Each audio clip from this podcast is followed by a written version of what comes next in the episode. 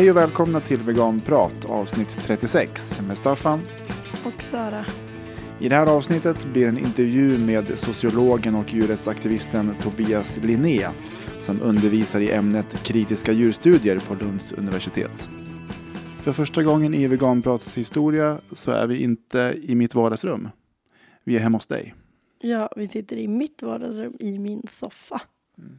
Hur mår du? Ja, men rösten avslöjar mig lite. Eh, det är så här att jag har varit jättesjuk. Det, det är därför vi är här idag. För att jag, jag är in, inte helt kry än. Och jag, det har talats om svininfluensan. Det har det gjort. Två läkare har antytt, inte sagt så här rent ut du har svininfluensa, men verkligen antytt det. Så att du, du har preppat här med lite, lite citronvatten?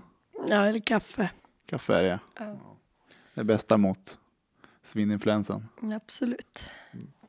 Vi hade egentligen tänkt göra ett längre avsnitt och prata om lite allt möjligt.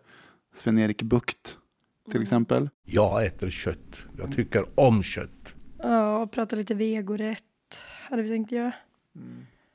Och om våra barn som har förändrat sin kosthållning. Mm, på förskolan, ja. Mm. Men vi sparar de här ämnena till nästa avsnitt. För att spara på din röst och din hälsa. Nu, nu tar vi det bästa istället. Mm, vi går direkt på höjdpunkten. Mm, för just nu mellan januari och mars så pågår en kurs i kritiska ljusstudier eh, på Lunds universitet. Eh, det är femte året i rad som kursen hålls och vi har länge varit nyfikna på den och ämnet kritiska djurstudier. Ja, verkligen. Det är ett eh, jättespännande nytt tvärvetenskapligt ämne. Det är, eh, det är ett ämne som tydligt tar ställning för djuren och för djuret. Och för att få veta mer om kritiska ljusstudier så hörde vi alltså av oss till Tobias Linné. Eh, vi kör en presentation. Tobias Linné är sociolog och lektor i medie och kommunikationsvetenskap på Lunds universitet. Han är även djurrättsaktivist och har varit engagerad i djurrättsrörelsen sedan slutet av 00-talet. 2012 var han med och startade kursen Animals in Society, Culture and the Media. Den första svenska kursen i kritiska djurstudier. Idag är han kursansvarig tillsammans med barn och ungdomsvetaren Helena Pedersen och statsvetaren Curtis Boyer. I sin egen forskning har Tobias Linné främst intresserat sig för mjölkindustrin. Han har bland annat undersökt hur kor framställs i reklamkampanjer i sociala medier. Och jag ringde i alla fall upp eh, Tobias för någon vecka sedan och vi pratade huvudsakligen om kritiska djurstudier förstås och den här kursen i Lund. Men vi kom även in på hans egen forskning och hans tankar om djurrättsrörelsen. Eh, men allra först så frågar jag hur han blev intresserad av djurrätt. Jag var mm, engagerad mig i lite andra saker. Jag var engagerad ganska mycket i klimatrörelsen under, under um, början av 2000-talet. Och eh, ja, jag träffade människor som var veganer, som var djurrättare. Och ehm, ja, jag blev liksom inspirerad av dem, tänker jag. Och sen så tror jag väl alltid att jag har tyckt om djur. Och, och liksom, jag har varit vegetarian sedan jag var um, i tonåren då. Så det fanns väl på något sätt inom mig. Men um, det tog ändå ganska lång tid måste jag säga när jag tänker på det så här innan jag blev då liksom mer djurrättsligt aktiv. Kom, kommer du ihåg vad som fick dig att, att bli det? Nej, jag kan, jag kan inte minnas. Eh, däremot det här med, liksom, med kritiska djurstudier då, som jag har hållit på med. Det, där kan jag liksom där kan jag minnas väldigt väl eh, när det skedde så att säga. Det var ett specifikt tillfälle alltså som 2010 och jag var på en föreläsning eh, som Malmö högskola arrangerade. Och då var det en forskare som hette Helena Pedersen Eh, som skulle prata om eh, djurens roll i lärarutbildningen tror jag, eller något sånt.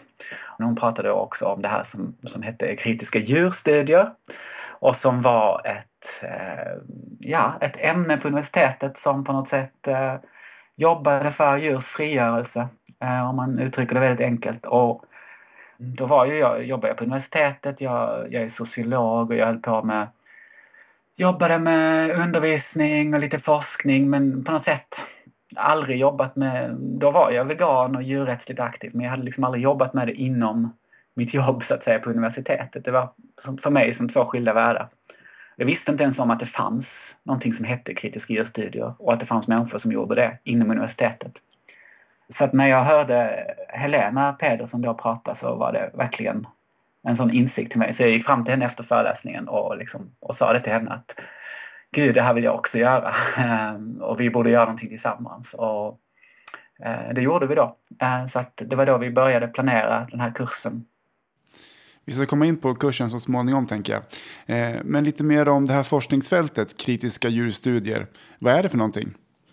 Det är ju ett, ett forskningsfält, ett, tvärvetenskapligt forskningsfält, det vill säga att Eh, det, man kan komma från många olika ämnen. Eh, det är inte liksom ett enhetligt ämne utan det kan vara genusvetenskap, det kan vara sociologi, det kan vara litteraturvetenskap, det kan vara ja, egentligen alla, alla möjliga ämnen som finns inom, inom universitetet idag. Eh, men det som är på något sätt centralt är, det är ju liksom att eh, det vill synliggöra eh, djur i samhället och hur samhället på något sätt bygger eh, på eh, att eh, djur utnyttjas och att det är ett utnyttjande som är institutionaliserat, ofta osynliggjort och rutiniserat i samhället. Och eh, det vill lyfta de frågorna helt enkelt, frågor som har med det här utnyttjandet av djur i samhället att göra. Eh, och många tänker kanske, när man tänker djurrätt och sådär inom akademin så tänker jag att, att, och det tänkte jag nog själv också, att det har att göra med filosofi och moralfilosofi och det är ju kanske där som det har haft störst betydelse historiskt. Alltså man tänker på Peter Singer och sådana här. Men jag ska inte säga att vår, vår kurs har ju absolut, och ämnet kritisk djurstudier har absolut sådana inslag men, men jag skulle ändå säga att kritisk djurstudier skiljer sig lite från den här liksom filosofiska synen på djurrätt som en liksom, i första hand moralisk fråga. Eh, jag tycker kritiska djurstudier utmärks istället av att behandla eh, djurrättsfrågan som en social rättvisefråga. Alltså en, en samhällelig social eh, fråga på någon slags strukturell nivå i samhället. Eh, och liksom i ett maktperspektiv då.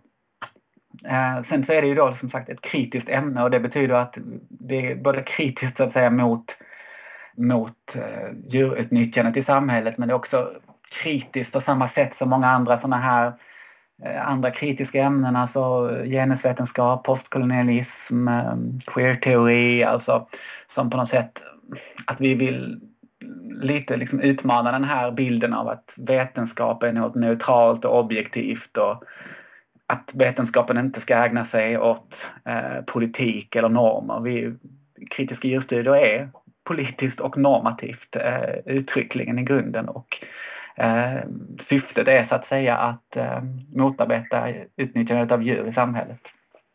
Och, och, ganska radikalt också. Jag såg att i de här principerna att, att ämnet tar liksom ställning mot kapitalism och eh, att man till och med är för ekonomiskt sabotage mot djurindustrin.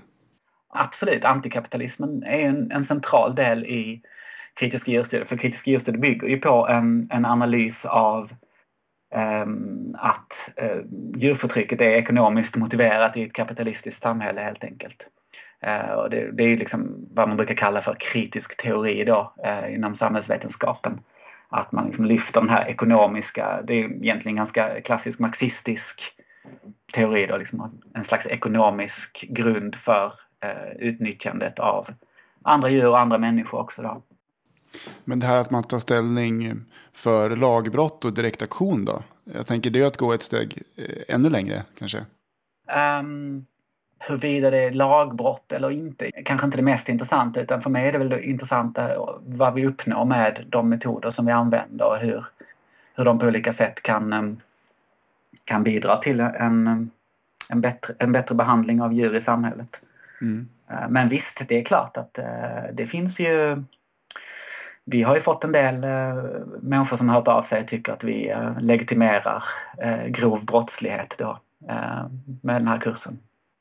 Men det finns ju absolut den här som du säger, den radikala. Det hänger ju samman med det som jag sa med att på något sätt en, ett syfte med kritiska djurstudier är ju då liksom inte bara att ägna sig åt någon slags akademisk verksamhet eh, för sin egen skull utan att Um, vi vill på något sätt, um, vi som håller på med kritiska djurstudier, att det vi gör ska få betydelse för djur i samhället. Uh, och allting det vi gör ska ha det som, som överordnat mål så att säga. Vi ska arbeta för att förändra situationen för djur i samhället och det egentligen, många reagerar kanske på det eh, inom universitetet men jag, jag tycker inte det är något konstigt. Det är snarare konstigt hur vi inte skulle kunna göra det. Alltså det, det är som att, jag brukar ibland tänka, det är som att en, om man som genusvetare skulle säga att eh, nej vi bara studerar eh, homofobi eller sexism. Vi bryr oss inte om, vi tar inte ställning mot det, vi bryr oss inte om att, att liksom försöka motarbeta det, vi bara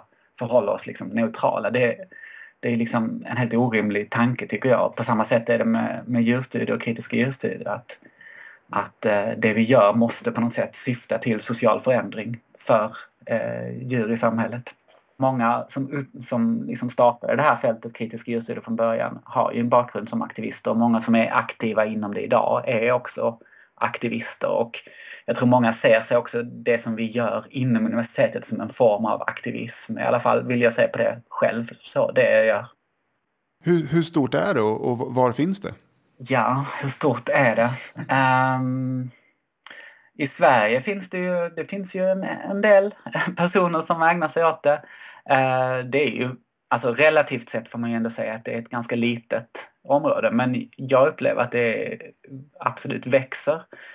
Internationellt är det ju betydligt större. Alltså tittar man på USA, eh, Kanada, eh, Storbritannien, eh, Nya Zeeland, eh, Australien. Det finns många så finns det utbildningar inom kritiska djurstudier, det finns många forskare, eh, det finns internationella konferenser, allt det här som, som finns inom de, de flesta ämnen. Men jag menar, det är ett ganska ungt ämne. Alltså ämnet är ju inte mycket mer än eh, 15 år eh, gammal och i, ett akademiskt perspektiv så är, det väldigt ungt. De flesta ämnen är ju flera hundra år gamla inom universitetet. Det är ju liksom ett litet ämne men det är växande absolut. Vi har nyligen fått eh, två doktorander vid Stockholms universitet som eh, håller på med forskningsprojekt som som eh, handlar om kritiska djurstudier.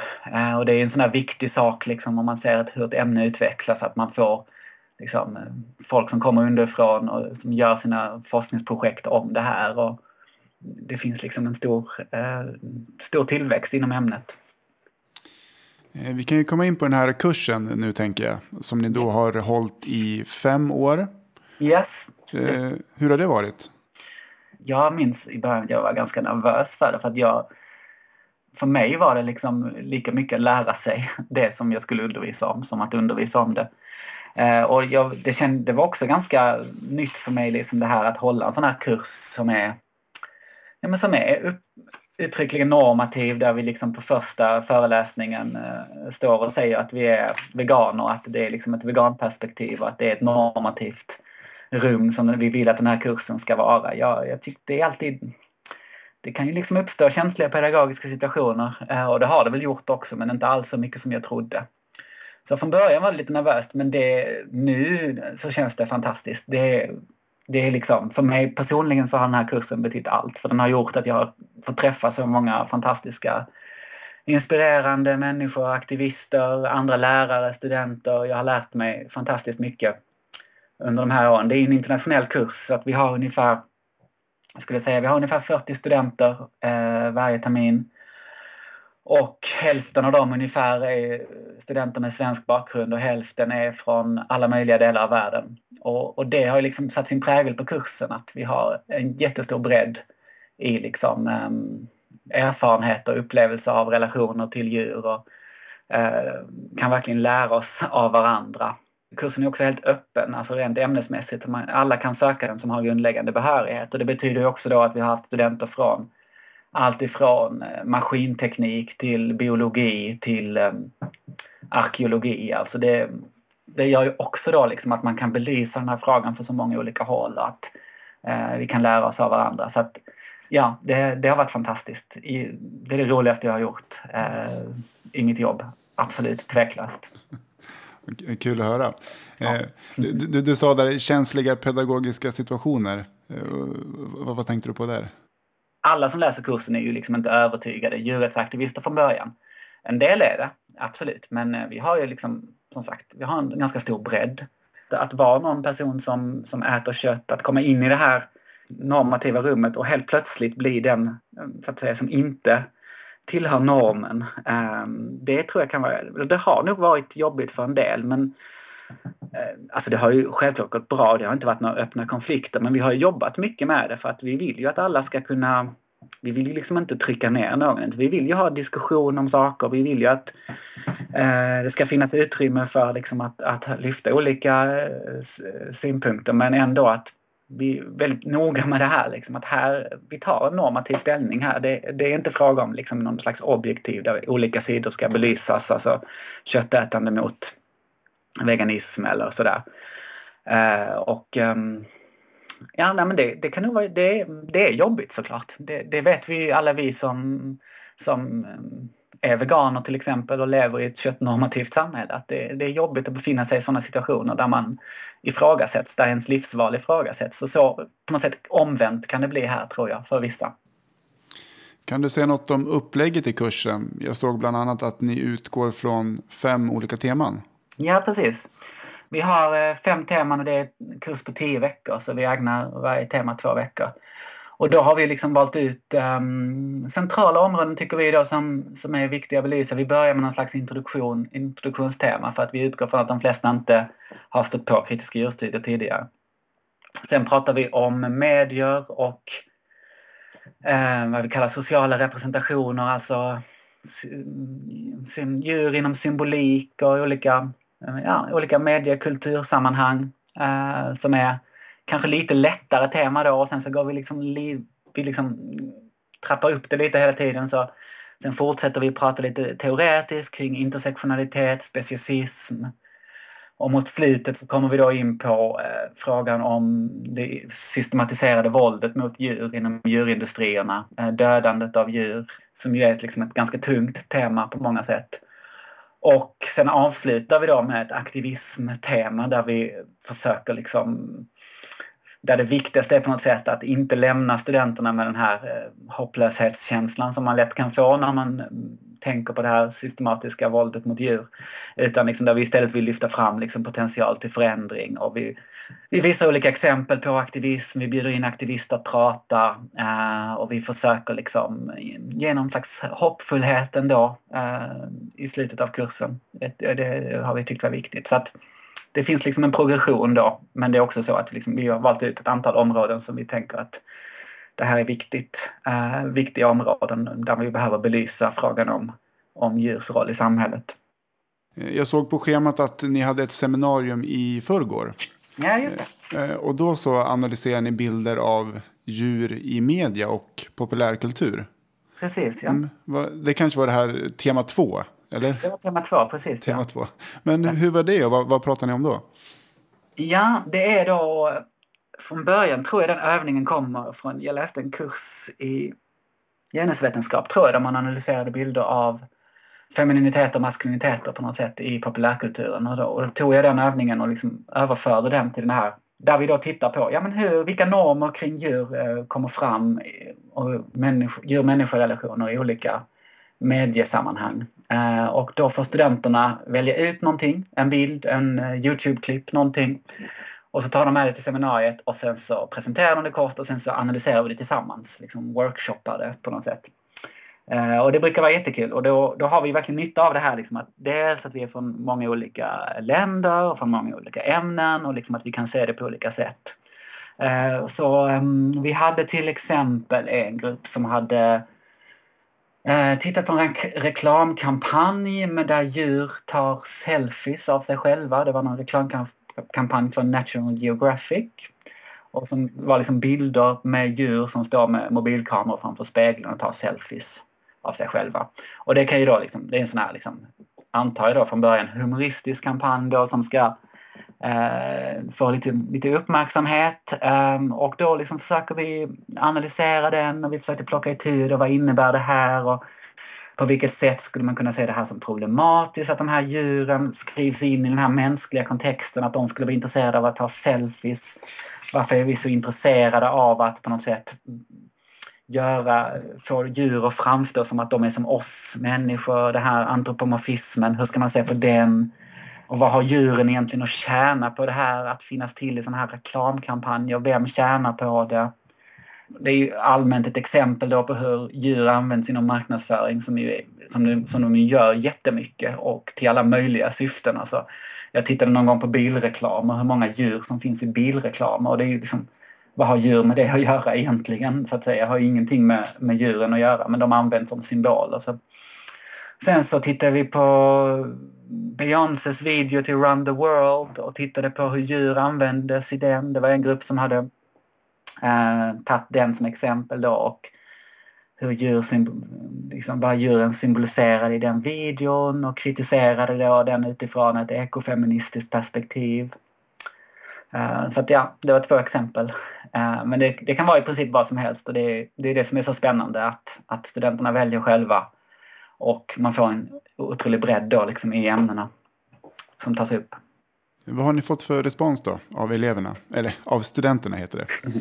Vi har fått fantastisk respons. Eh, det, jag har undervisat ganska mycket. Jag har undervisat i över 15 år. Jag har aldrig haft en kurs där som nu då till exempel där studenter som inte läser kursen egentligen, som inte är registrerade och inte tar poäng, eh, kommer till föreläsningar bara för att sitta med för att de är intresserade. Det, det kanske är lite, låter lite trist men det händer oftast inte. Eh, utan folk läser det de är uppskrivna på och ska ta poäng i. Det har vi på den här kursen. Vi har folk som sitter med som inte läser kursen. Förra gången hade vi en student som läste kursen förra året men som ville gå den igen eh, för att liksom bli inspirerad igen för att hon skulle skriva sin uppsats. Och jag menar det är liksom, ja vad ska man säga, det blir man ju såklart som lärare blir det, är det fantastiskt. Eh, sen så vet vi ju utvärderingar, skriver studenter ehm, att de har blivit veganer efter kursen och jag menar för mig, det är liksom det, är det bästa som har hänt tycker jag då liksom när någon om jag har kunnat påverka någon på något litet, litet sätt till att ta det steget och bli vegan. Um, och att studenter hör av sig och säger liksom att de har fått en ny syn på världen. Um, ja, det, det, känns, det känns jättekul, det är fantastiskt. Um, det som är intressant också är liksom reaktionerna från andra inom universitetet och där tror jag skulle, eller jag tror jag förväntade mig ganska mycket motstånd från början. För det är ju ändå liksom som du var inne på, alltså, eh, utmanande av många eh, normer och liksom eh, lagar då i samhället, ta ställning för direktaktion och så vidare. Men där tycker jag också faktiskt att vi har, jag ska inte säga att liksom, men ändå en försiktigt positiv reaktioner från, från de flesta faktiskt. Sen kanske det beror på att de inte riktigt, jag tror inte riktigt de vet vad vi gör egentligen. De, de tror vi håller på med någonting som har med gulliga djur att göra, jag vet inte riktigt än så länge har vi i princip bara positiva reaktioner både från studenter och andra. Men tänk på oss då som bor i Västerås och i andra delar av landet. när kommer, när kommer det här ämnet till andra lärosäten? Ja, jag hoppas snart. Eh, jag hoppas all ni kan skriva till till eh, mina chefer och säga att ni vill ha det. För att vi har ju såklart, vi har ju haft eh, studenter från olika delar av landet men det är ju jättesvårt att pendla till Lund. Och läsa den här kursen. Och vi skulle ju vilja utveckla en distanskurs till exempel. Men det har vi inte fått pengar för. Det är svårt alltså, inom högskolan idag för att resurstilldelningen bygger på ett sånt system ofta att ska man göra en ny kurs så måste man ta de pengarna. Man får inga nya pengar, då måste man ta de pengarna från en befintlig kurs. Och då är det liksom någon annan som ska, eh, som ska släppa sin kurs då för att, ge, för att vi ska kunna få ta in studenter på vår kurs. Och då är, är vi tillbaka i det där liksom att djurfrågor hittills inte har liksom prioriterats direkt av universiteten. Eh, alltså, universiteten har ju nästan alltid ägnat sig åt människor. Eh, speciellt då man säger samhällsvetenskap, humaniora som är de ämnen där jag håller, håller på. Det är ju som sagt att vi, att vi får många sökande. Det är såklart, det visar ju på att det finns ett intresse. Och det förhoppningsvis kan ju då motivera andra eh, universitet eh, att liksom fundera på att ha sådana här kurser. Sen så tror jag att eh, det här är växande. Vi har ju liksom, jag har liksom, under de här fem åren har jag stött på jättemånga fantastiska studenter som nu liksom börjar en del kommer säkert gå vidare och jobba inom universitetet och, och göra forsk, forskarutbildning och sådär och förhoppningsvis kanske starta kurser i, i förlängningen. Så. Men det händer lite saker. I höstas hade vi en kurs vid Stockholms universitet på masternivå eh, som hette Genus och kritiska djurstudier som var en intensivkurs. Men ändå, så att det var ju liksom den andra kursen i, i Sverige då inom det här. Eh, så att förhoppningsvis kan det bli fler sådana kurser. Eh, avslutningsvis där så tänker jag att vi kan komma in på din egen forskning lite grann. Mm. Ja. Och jag har sett att du har bland annat intresserat dig för mjölkindustrin. Och till exempel vilken bild då industrin ger av sig själv i, i sociala medier. Varför har du intresserat dig för det? Vi lever ju i ett samhälle som är väldigt medialiserat, alltså där medier finns omkring oss hela tiden. Och där väldigt mycket av vår information om omvärlden kommer till oss via medier. Och när det gäller, eh, och det gäller ju då också djur. Eh, jag menar, jag skulle säga att de flesta möter djur oftare i form av medierepresentationer än, än riktiga levande djur. Eh, och så att på något sätt, medierna blir ju då väldigt viktiga för hur vi förstår eh, andra djur. Eh, och jag vill på något sätt kritisera den bild som, som ges i de här eh, sociala medier-kampanjerna som jag har tittat på. Och också då liksom diskutera det som hur det faktiskt påverkar eh, vår relation till vårt behandlande av de här faktiska djuren. För det finns ju liksom faktiska tusentals djur i Sverige inlåsta i de här djurindustrierna som på något sätt påverkas av den här bilden som människor får av, av deras liv. Ehm, och, och, rent konkret så har du tittat på ett Instagramkonto, eller hur? Från Ala. Det stämmer, ja. Bregottfabriken och även någonting på Facebook. Vad heter ja. det företaget? Det är Skåne Mejerier, va? Precis, ja. Jag tror industrin har väl försökt bemöta det här det har funnits ett krav från eh, som på något sätt har liksom vuxit fram i takt med att djurrättsrörelsen har eh, vuxit sig starkare. Att, att på något sätt, och börjat ifrågasätta då hur djuren inom, inom eh, djurindustrierna har det. Och då försöker ju de här företagen på något sätt visa upp en bild av att de är transparenta, att de, att de inte alls försöker dölja eh, hur djuren har det. Eh, och då helt plötsligt så ser vi väldigt mycket eh, reklam då för eh, matföretag då som producerar djur som mat där djuren finns med så, så var det inte riktigt tidigare. Eh, och då menar, jag, menar jag då i den här forskningen som jag gör att, att, den här, att det fyller en väldigt konkret funktion. Alltså dels så ger det ju en helt felaktig bild. Det är vissa saker som syns men jag menar på de här lyckliga bilderna på kor får vi aldrig se dem eh, alltså dödandet av kor eller slakten eller separationen eh, mellan eh, ko och kalv.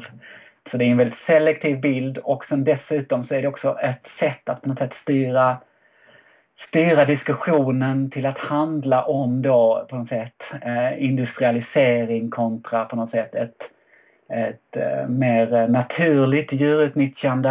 Eh, för det är det man vill framhäva då, liksom hur naturlig och fin den svenska mjölkindustrin är då till skillnad från då en mer industrialiserad, ofta då utländsk mjölkindustri. Och då styr man in debatten på det istället och liksom undviker på något sätt den viktiga frågan som ju är om vi överhuvudtaget eh, ska använda oss av djur som mat.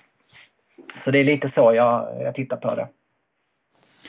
Jag hade inte sett det själv förut, men jag gick in på någon av de här på den här Facebook-sidan. Eh, och jag, jag reagerar på att, att de använder samma bilder som vi använder inom djurrättsrörelsen.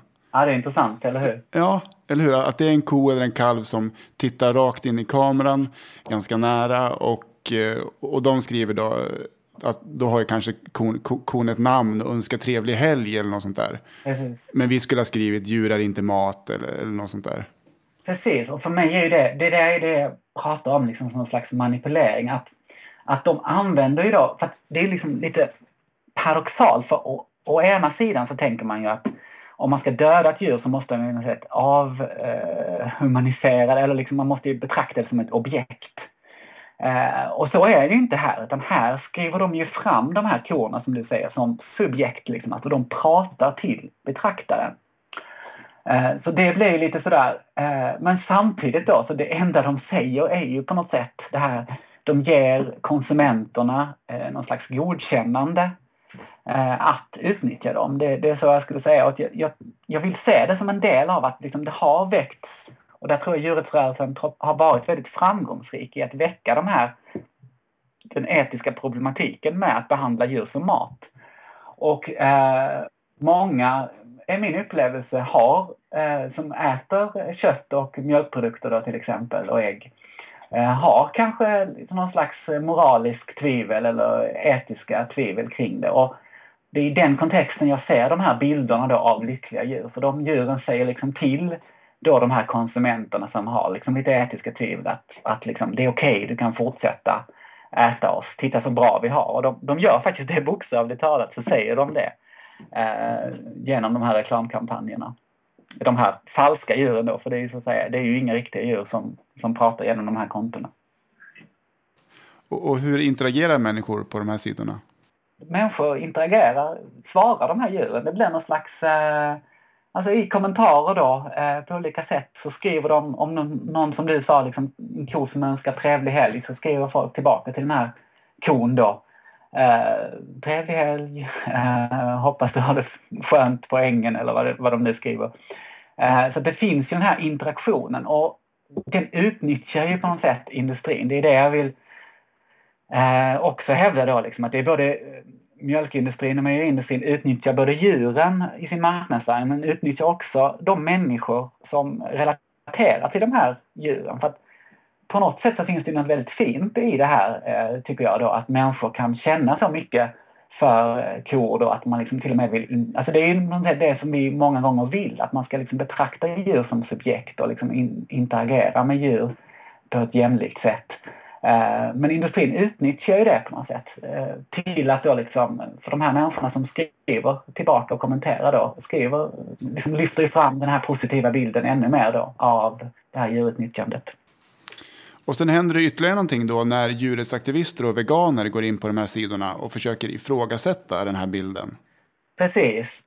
Um, jag tror det finns en potential där, men det man kan se är ju då att det bemöts ju ofta genom totalt ignorering av djurindustrin på de här sidorna. Alltså det här är ju inga forum där industrin vill diskutera djurrätt utan de vill eh, presentera en reklambild av sin verksamhet eh, och en idealiserad bild. Så att de, antingen så är det bara total ignorering eller så ser man, jag har liksom hittat några, tre olika strategier. Det är ignorering, det är någon slags standardsvar som man har när man hänvisar till någon sån här code of conduct, alltså vi, vi gör så här och vi behandlar våra djur på det här sättet. Eller så låter man andra, det tycker jag är intressant, så låter man andra eh, kommentatorer så att säga kommentera eh, de kritiska kommentarerna. Så det blir någon slags diskussion då liksom. Där, där de som är upphoven till då, Arla till exempel, håller sig ganska passiva utan låter liksom det blir någon slags debatt mellan olika sidor i de här kommentarsfälten. Men jag tycker det är intressant och jag liksom, eh, det är väldigt hoppfullt att se liksom alla kreativa eh, såna sådana här mock sites alltså, ehm, som folk gör då liksom, där de imiterar de här falska bilderna liksom, och gör eh, djurrättskritiska eh, sidor som fokuserar på mjölkproduktion då, till exempel. Så att det är inspirerande att se. Jag tänker på en annan sak. Jag har studerat eh, de här kosläppen som fenomen. Och det tänker jag lite samma sak. Då har jag rest runt och dokumenterat olika kosläpp, alltså eh, som, som någon slags marknadsföringsevent. För det är ju liksom människor som kommer ut och får se hur, hur så här lever eh, djuren då liksom och möta djur. Men det ställs ju aldrig några kritiska frågor i relation till de här kosläppen utan det är ju alltid bara den här liksom förljugna bilden och, och liksom eh, ett spektakel, någon slags eh, jordbruksversion av ett zoo. Men egentligen bygger det ju på ett ärligt intresse, tänker jag, hos människor för andra djur. Och det är det intresset som vi som, som jobbar med djurrätt också skulle kunna bygga på, tänker jag. Så att eh, man skulle ju vilja, eller det är väl en, en, dröm jag har haft, liksom att man skulle göra de här besöken på de här kosläppen med ett kritiskt perspektiv. Um, och liksom använda det som ett sätt att liksom kritisera mjölkindustrin istället för att nu bara marknadsföra det. Eh, och för din del framöver då med forskning, eh, vad är du mer intresserad av att, att titta på?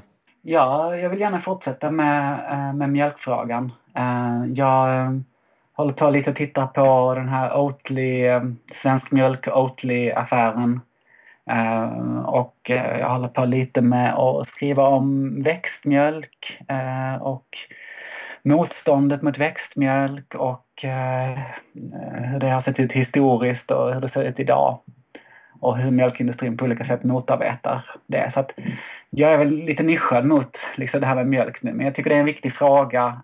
Det känns som en fråga där vi också inom djurrättsrörelsen faktiskt har ganska stor chans att komma någon vart. Eh, jag tycker eh, det har, det har liksom på något sätt, det finns en kraft i det här motståndet mot mjölkindustrin just nu, så känner jag i alla fall. Så därför vill jag ägna mig åt den frågan. Men hoppfullt då att du ser att det finns en möjlighet att nå lite framgång här då för djurrättsrörelsen.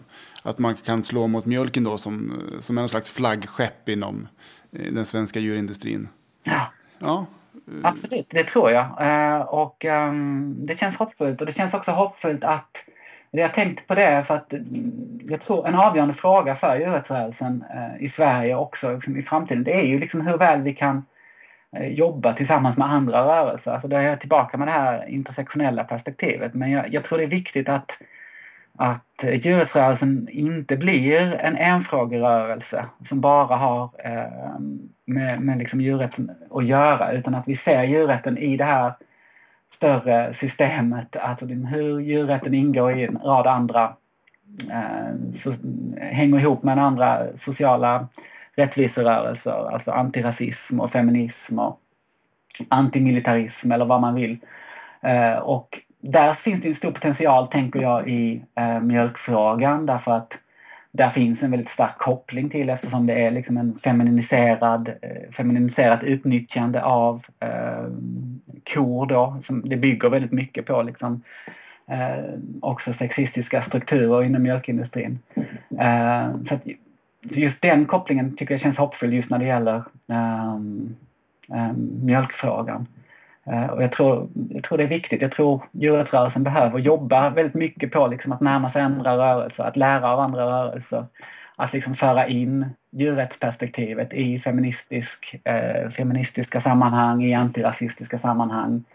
Det finns så mycket att vinna på det och jag kan inte se egentligen några egentliga skäl till att, vi, till att, till att inte göra det. Alltså det, det, det är liksom det hänger ihop. Allting hänger ihop eh, på något sätt. Vi, vi måste jobba på det. Jobba mot eh, de här systemen som ett kollektiv på något sätt. Eh, så vi måste väl prata med varandra mer helt enkelt. Om man ska säga det väldigt enkelt. Men, men så är det väl. Och delta i olika eh, gemensamma sammanhang. Ja, det var min sista fråga där. Vad du tror om möjligheterna för att nå större framgångar eh, för djurrättsrörelsen. Är det just det här som du, som du tycker är det viktigaste? Eller finns det fler saker? Jag skulle säga att det är det som är det viktiga. Sen så vill jag verkligen lyfta fram eh, det här liksom att det, jag upplever att det börjar byggas upp någon slags, eh, vad ska man säga, djurrättslig vegansk infrastruktur. Alltså med, med eh, poddar som den här, med eh, veganska matmagasin, med vegomässor, med eh, alla möjliga initiativ från djurrättsorganisationer. och liksom med veganer som är aktiva i sociala medier och så vidare. eftersom jag är medieforskare så tror jag mycket på kraften i, i medier och i sociala medier. Eh, så att liksom, det finns någon slags eh, en rörelse som, som liksom håller på att växa fram. Och jag, jag tror det är viktigt att fortsätta den. Att, liksom, att alla fortsätter att göra eh, sina saker på något sätt på alla de här olika, i alla de här olika forumen. Eh, och tillsammans så, så bygger vi liksom eh, en rörelse.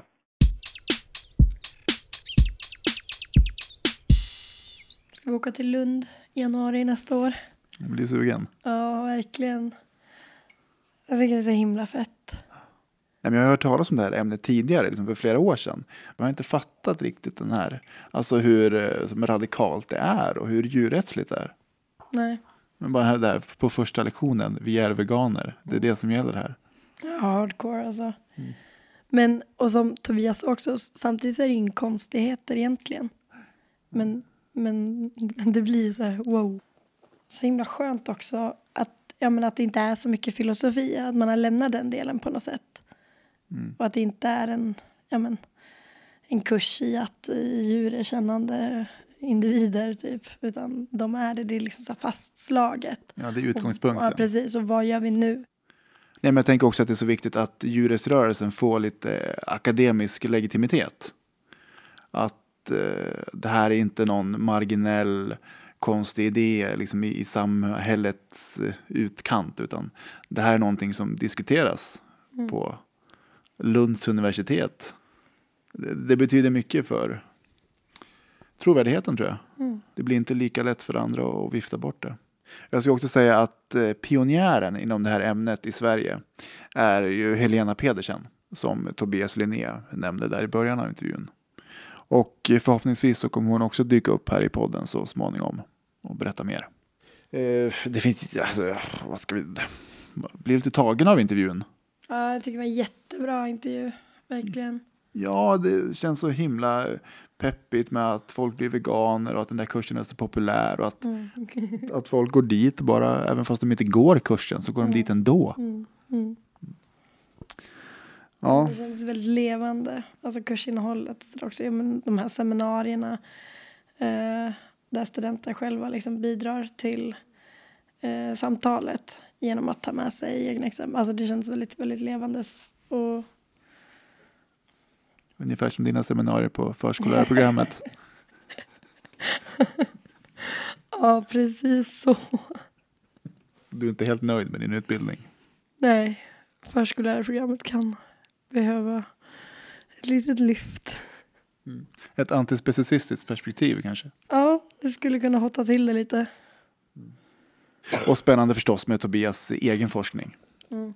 Ja, men det här att industrin har gått varvet runt på något sätt och liksom introducerar djuren som individer Mm. och vill skapa någon slags connection med Ja, för det, det, känns ju, ja, det känns ju väldigt hoppfullt. att det är så. Ja. Ja. Verkligen. Om man ser det ur det perspektivet, ja, att det är Ja. djurrättsrörelsens framgångar som gör att de är tvungna att ta till de här Ja, precis. äh, bisarra metoderna. Ja. Det var intressant det där också. Hur människor liksom låtsas interagerar med djuren.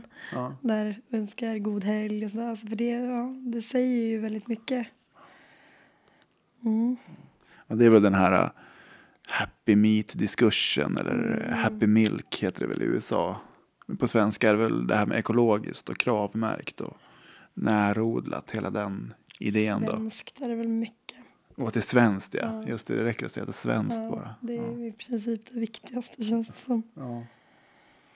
Och slutet är också behovet av att samarbeta mellan olika rättviserörelser och feminismen och antirasismen och djurrätten och antikapitalismen. Och Mm. allting hör ihop. Ja. Det var allt för den här gången. Ja, det gick ju bra. Ja, det gick jättebra. Hur känns det med rösten? Jag är trött. Jag hör det. Du... Ja, jag får jag vill pressa ut orden liksom. Men Jag hoppas att den blir helt återställd snart så kan vi ta det där späckade avsnittet. Och vi avslutar den här podden med en låt. Vår nya tradition. Och det är Tobias Linné som har fått välja. Det blir Don't Eat Meat med The Projects. Ni får gärna mejla oss till Kontakt snabel A veganprat.se Eller gå in på vår telefonsvarare. Nej, förlåt. förlåt, jag är trött. Oj, oj, oj, vad det låter illa. Ja. Glöm på vår hemsida. veganprat.se Så finns vi på Facebook och Twitter och allt sånt där också. Ja. Och om du inte är vegan, Bli vegan. Hej då! Hej då. You turn the lights down low in the barn, and it's a rather nasty, stinking mess. Turn the lights down, have catchers come in, grabbing them, one leg from each bird, so you got a handful, eight to ten birds in your hands, and then go stuff them in crates.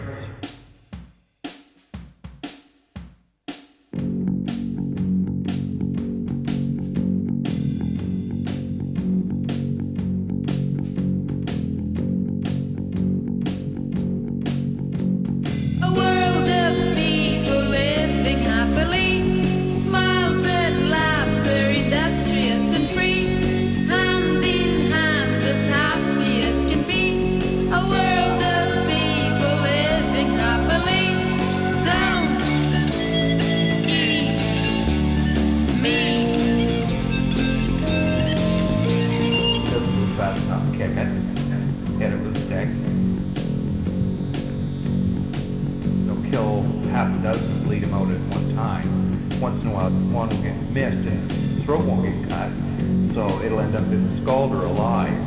Clean lines cut the sky.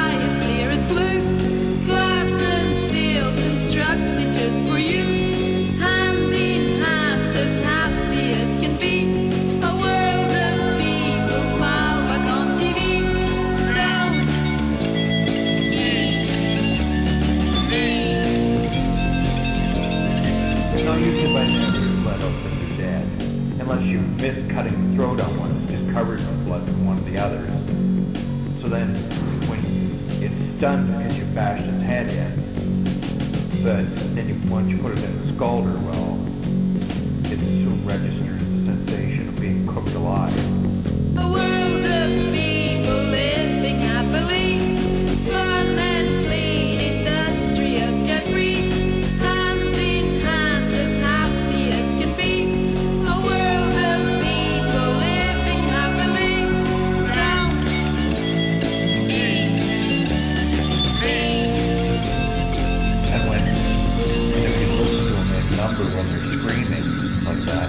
Almost after a while it sounds like they're screaming, help me.